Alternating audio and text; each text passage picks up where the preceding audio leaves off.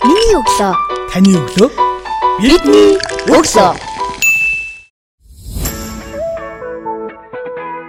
Подкастын ээлжид нэгэн дугаар эхэлж байна. Өнөөдрийн дугаарын зочноор гэр бүл судлаач Бямтгтхтой ярилцсанаа танд өнөөдрийн мэндийг хүргэе. Өдрийн мэнд хүргэе. За таныг хайрын дархлаа төрмөс байгууллагаас бэлтгэн хүргэдэг хайрын төсөл нэвтрүүлэг ном зам чадахгүй гэд ганц үе залуучууд зориулсан контентоор бол хүмүүс сонсогчд ялангуяа сайн мэднэ. Зам гэр бүлийн зөвлөгөө өгдөг гэр бүл судлаач гэдгээр нь мэднэ. Бид хамтдаа өнөөдөр залуучуудын гэр бүл төлөвлөлт гэсэн сэдвийн хүрээнд ярина. За өмнөх дугаарын зочид маань уламжлалт гэр бүл төлөвлөлт монголчуудын ах トゥ амьдралд хэрхэн яаж нөлөөлж исэн гэдэг түүхэн ач холбогдолтой талаас нь бол ярьсан. Тэгэхээр таны энэ хийж байгаа хэрэгжүүлж байгаа радио контентуудад за мөн ганцаарчилсан болоод хамтын юм зөвлөгөө авч байгаа хүмүүст нь залуу гэр бүлүүдэнд ямар ямар асуудлууд тулгарч ийн шийдэл гарцсан юу вэ? Энэ талаар хамтдаа ярилцсан. Яг гоо залуу гэр бүлүүдийн дунд салалт их байна, салалт их байна гэж байгаа нь өнөөдөр их олон хүчин зүйлээс хамааралтай харагдаад байна л да. Аа за хүмүүс их хөвчлэн хэлэхдээ бол санхүүгийн нөхцөл байдал боломж болцсоноосоо болоод санхүүгийн маргаан санхүүгийнхаа өндөрлөл бэрхшээлийг шийдэж чадахгүйгээс болоод салж байна гэж ярьдаг. Аа яг хөө тийм байдаг л баг. Аа гэхдээ тэрнээс илүү өөр асуудал байгаа нь би зүгээр нэг хоёр юмн дээр л багцлж ярмаар байна л да. Нэгдүгürt бол залуу гэр бүлүүдийн хувьд өөрийгөө таних, ер нь хүнтэй гэрлэхээсээ өмнө өөрийгөө мэдэх, өөрийгөө таних, өөрийгөө ойлгох өөрийн гэсэн ингээд өөрийгөө таньж ойлгосон хүн өөрийнхөө онцлог, шин чанар, зан, араншин, авир аа тэгээд одоо personality гэж ярьдаг хувь чанар. Энэ хувь чанараа ойлгоогүй мдээгүй хүн хүний хувь чанарыг ойлгоод давуу сул талыг төвчээд хүлцээд тэгээд амьдрна гэдэг бол ер нь бол бодлоо олчиход байгаа байхгүй. Тэгнэ үстэй хүн өөрийгөө ойлгоогүй хүн хүнийг ойлгоно өөрийгөө өөрийнхөө юу хүсэж байгаа гэж мэдэхгүй байгаа хүн хүний хүслийг үйлдэлээр нь уншаад тэгээд тэрэндээ хайр халамж өсөөлн тавина гэдэг бол бодлоо олчиход байгаа. Нэгдүгээр. А хоёрдугаарт нэг одоо энэ бол илүү сэтгэл зүйн ойлголтын асуудал байна гэж ойлгоод байгаа. А нэгдүгээрт нийтээр нь за нэг одоо ууж иддэгч байдаг юм уу? Ер нь нэг тийм хэрэлдэж маргалдах бол байдаг л асуудал гэж ойлгож явах жишээний. Нэг тийм үзэл ойлголтын асуудал дээрээ төлөвшөөгүй ийм асуудлаас болоод залуу гэр бүлд маргаан зөрчил их гараад байна. А дээрэс нь альва маргаан зөрчлийг шийдэх арга ур чадвар гэж нэг юм байгаа шүү дээ. Хүнд байгууллага 6 7 хүн 20 30 хүн суужгаад тодорхой ямар нэгэн төсөл дээр маргалдан зөрчилдөн үзэл бодлоо хамгаална мэтгэлцсэн гэд нэг чухал юм байгаад байна. Өнөөдөр яг хуу манай ахлах анги сургуулиудын ахлах ангиудын мэтгэлцээний клубүүд бол буцаад нөгөө юу гэдгийг бүх юмыг яагаад би энийг яагаад ингэж хийх ёстой юм? Энийг önнөөс өөрөөр яагаад хийж болохгүй? Яагаад ингэж болох юм эсвэл болохгүй юм гэдгийг нөгөө questioning буюу өөрөө өөртөө хүн хүртэл маргаж үзээгүй монголчууд хэрүүл хийгээд байдаг. Ийм байдал а тэгээд үнэхээр мэтгэлцээний клубүүд нь болохоор зэрэг үндсэн ойлголтоосоо зарим нэг нь шүү дээ салчаад нь штэ. Үсээ гэлдэж зангаа зүүсэн эсвэл нэг синтэг маягийн нөхдүүдийн юу яадаг одоо сонирхдаг клуб маягийн юм болчоод юм мэтгэлцээний клуб нь. Эсвэл улс төрчсөн багасаа нэг парламент парламент ярьдаг те.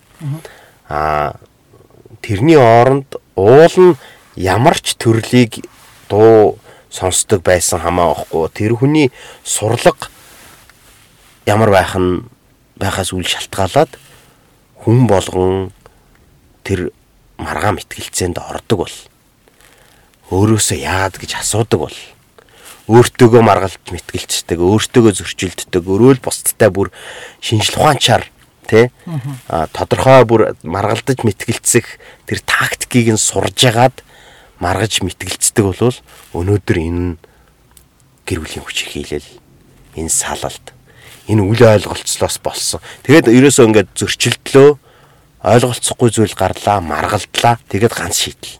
Салъя. Ерөөсөө л нэг амьдрал ингээд үтцсэн. Амьдралыг ингээд ойлгоцсон.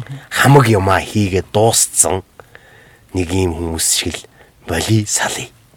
Яг үнэндээ чамд тохирох тийм хүн олоод олдгиймаа гэж бодоход тэр нь чамааг өөрийн чинь тоогоод тэг амьдрна гэхэд амар хэцүү байхгүй. Бие хасах байдаг, энэ нөхөр хасах байдаг. Яг хас хасахын нэмэх байдаг боловч хүн өөрөө шууд органикаараа хас нэмэх болдог юм бол байхгүй шүү дээ.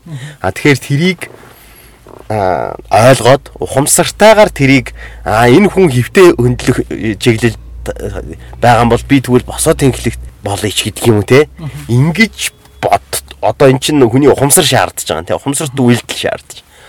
Тэгэхгүйгээр бол болно гэж байхгүй. Тэгэхээр нэг тийм хоёр дахь хэлэх гээд байгаа юм бол нилээн тийм нийгэм, хувь хүн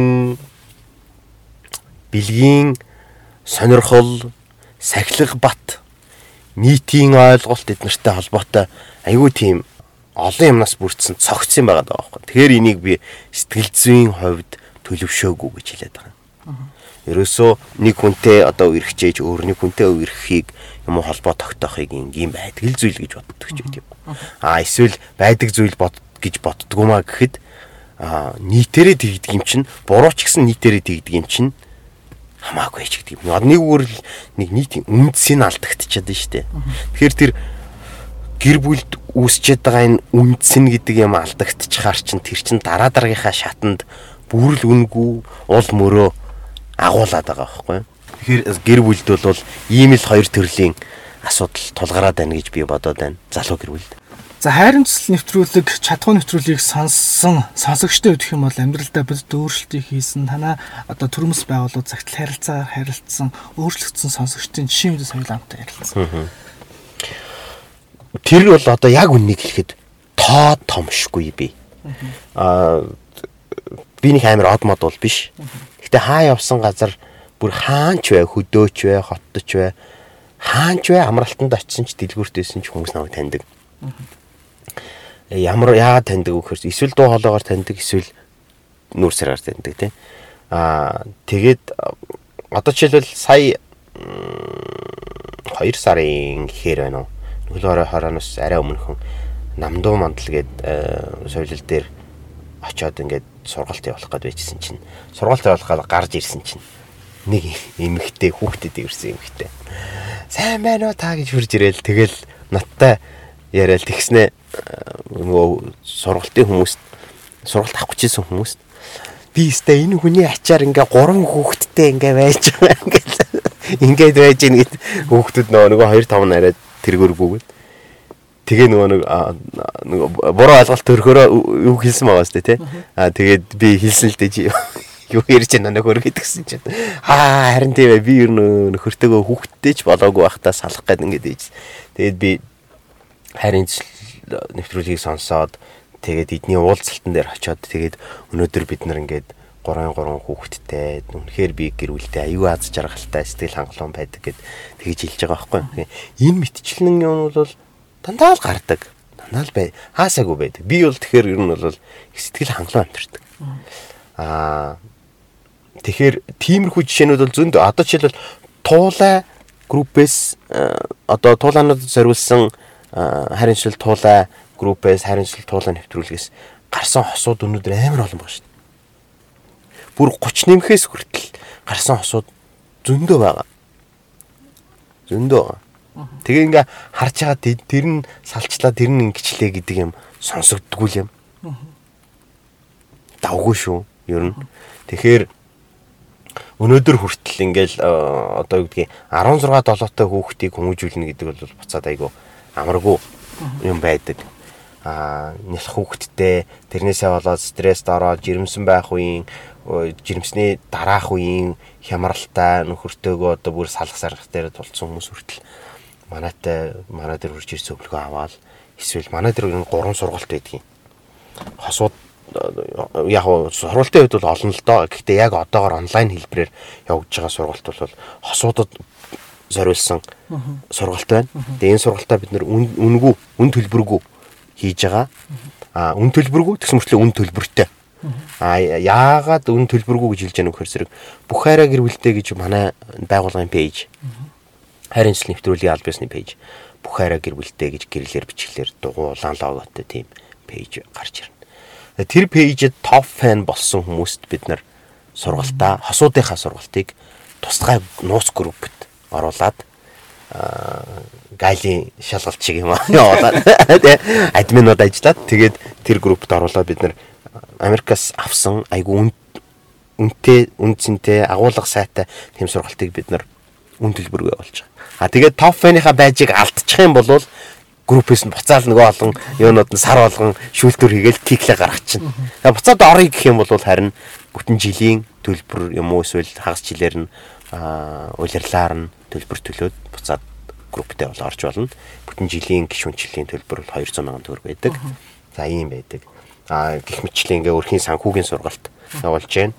Дан эмгтээчүүдэд зориулсан ангаргийнхныг ойлгох нь гэдэг нэртэй ийм сургалт явуулж байна. Энэ бол а грэйм битсэн тэр эрчүүд ангаргаас хүүхнүүд сугараас гэдгээс өөр а яг Монгол кейс дээр Монгол эрчүүдийг ойлгодог Монгол эмэгтэйчүүдийн гаргадаг алдаануудыг гаргасан ийм онлайн сургалт байдаг.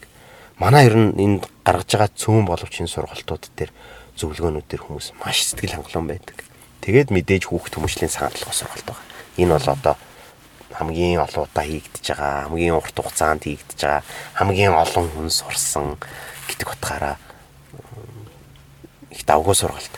Тэгээ энэ жилдээ дахиад нэмээд ер нь бол хөрхийн санхүүгийн ном а яг энэ хүүхд хүмүүжлийн цагаан талхаа сургалтаа бид ном болгохоор ажиллаж байгаа. Яг одоо энэ карантины үед 20 цэр үед гэр бүлдээ хүмүүс маш их цаг гаргаж байгаа. Тэгээ биднийг сонсож байгаа сонсогчид яг энэ подкастыг сонсоод Магадгүй битэрийн ярьсан асуудлууд дээр тулгамдаад байгаа яг шийдэл хийж чадахгүй байгаа өөрөө ойлгохгүй таньж мэдгүй байгаа хүмүүсүүд бол таны саяны хэлсэн пэйж рүү ороод гурван төрлийн сургалтыг авч болох нь шүү дээ. Тий. Тий. Цагийн хуваараа пэйжээс өгөх мэдээлэл авч. Тий, тий. Онлайн сургалт учраас тэрийг өстой Америкт байгаа одоо хөлийн чандаас манай монголчууд нөгөө буцаад айгүй их тэнцээ байгаа мөртлөө тентхийн сэтгэл зүйн үйлчилгээ чинь өөрөө үнэтэй байхгүй. Австралиихч бай, Америкийхч бай, үнэтэй. Европынхч бай. Айгүй үнэтэй. Тэгэхээр тэр хүмүүс чинь буцаад хүүхдээ яаж хүмүүжүүлэх үү? Яаж одоо Монголтойгоо буцаж эргэж нэгдэж байгаа тий холбоотой байгаа гэдэг тэр мэдрэмжээ яаж авах вэ гэдэг тэр бодиттой асуудлуудыг ярьдаг. Өнөөдөр жишээлбэл би энэ нэвтрүүлгийг сонсож байгаа Монголдо амьдарч байгаа залуучуудад дандаа хэлэхэд хэрвээ ямар нэгэн байдлаар та хоёр юу яадаг юм бол Монголоос яваад өөр газар очиж амьдрах болдгийм бол өнөөдөр зүгээр энэ бол баг пандемик гэж хэлж болохоор л асуудал шүү дээ. Тэгэхээр явахаар болдгийм бол хүүхдтэйгээ багаас нь зөвхөн монголоор л яар өөрөөсөө. Яагаад өгч зэрэг Солонгост байгаа, Америкт байгаа үе олон гэр бүлүүд манай дээр ирж байгаа одоо frequently asked question гэж нэг юм байдаг дээ тогтмол асуудаг асуулт тогтмол гардаг асуудал яг энэ асуудал. Ер нь хүн хоорондын харилцааг зохицуулдаг ганц юм чинь хил байгаад байдаг. Гэтэл хилний хувьд эцэг ихэн нэг тийшээгээ хүүхэд нэг тийшээгээ явчихлаар энэ чинь огт ойлголцдог байна. Хилээ дагаад соёл нь явчихдаг. Тэгэхээр би яг зүгээр залуучууд учраас аа явж явж суух гарч яах тийм урт богино янз янзын хугацаагаар тийм боломж их өндөртэй байгаа гэж бодож. Тэгэхээр миний хэлмээр байгаа юм бол Бухара гэр бүлдээ хуудас руу хандаж болно. Энэ сургалтуудаас алийг нь цаг, нар, газар, орон байрлал харгалцахгүйгээр авч болно. А дээрэс нь зөвлөгөөг бид нар бас зарим тохиолдолд шаардлагатай тохиолдолд бид нар очиж а шаардлагатай тохиолдолд бид нар онлайн арч гэдэг юм уу бид нар сэтгэл зүйн хосуудын харилцааны хүүхд хүмүүжлийн зөвлөгөөнүүдийг өгч байгаа. За баярлалаа. Таны цаашдаа ажилд амжилт хүсье. Баярлалаа.